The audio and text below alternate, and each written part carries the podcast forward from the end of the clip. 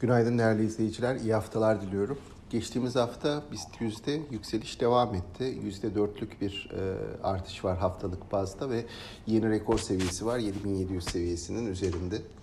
Haftanın geneline baktığımızda bankaların, e, bununla birlikte perakende ticaret şirketlerinin, gıda şirketlerinin ve havacılık şirketlerinin daha ön planda olduğunu gördük.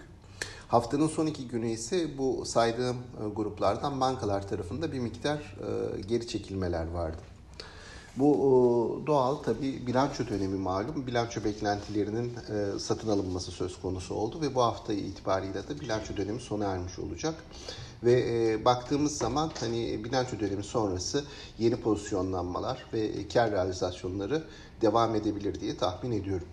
Yurt dışı tarafa baktığımızda yurt dışı tarafta ise aşağı yönlü bir eğilim vardı hisse senetlerinde. Bir miktar ekonomik beklentilerin bozulmasıyla da ilgili bu durum.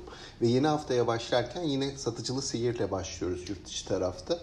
Bunun da e, piyasa tarafında şimdilik çok fazla bir etkisini görmüyoruz ama ilerleyen günlerde e, yurt dışı tarafı da dikkate alan bir piyasa görebiliriz. Haftanın geneline baktığımızda hani bilanço döneminin sona ermesi e, bir miktar kar realizasyonu getirebilir diye söyledik.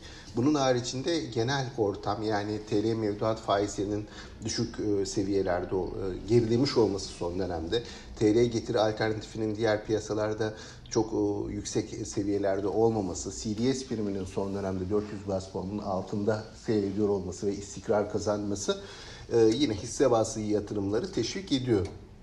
Dolayısıyla e, bir miktar hisse senedi tarafında geri çekilme ihtimalini öngörsek de orta vadeli e, yükseliş eğiliminin korunabileceğini düşünüyoruz. Yeni haftaya başlarken de yatay seviyelerde bir başlangıç yapılacağını tahmin ediyoruz. Sağlıklı, bol ve bereketli kazançlı günler diliyorum.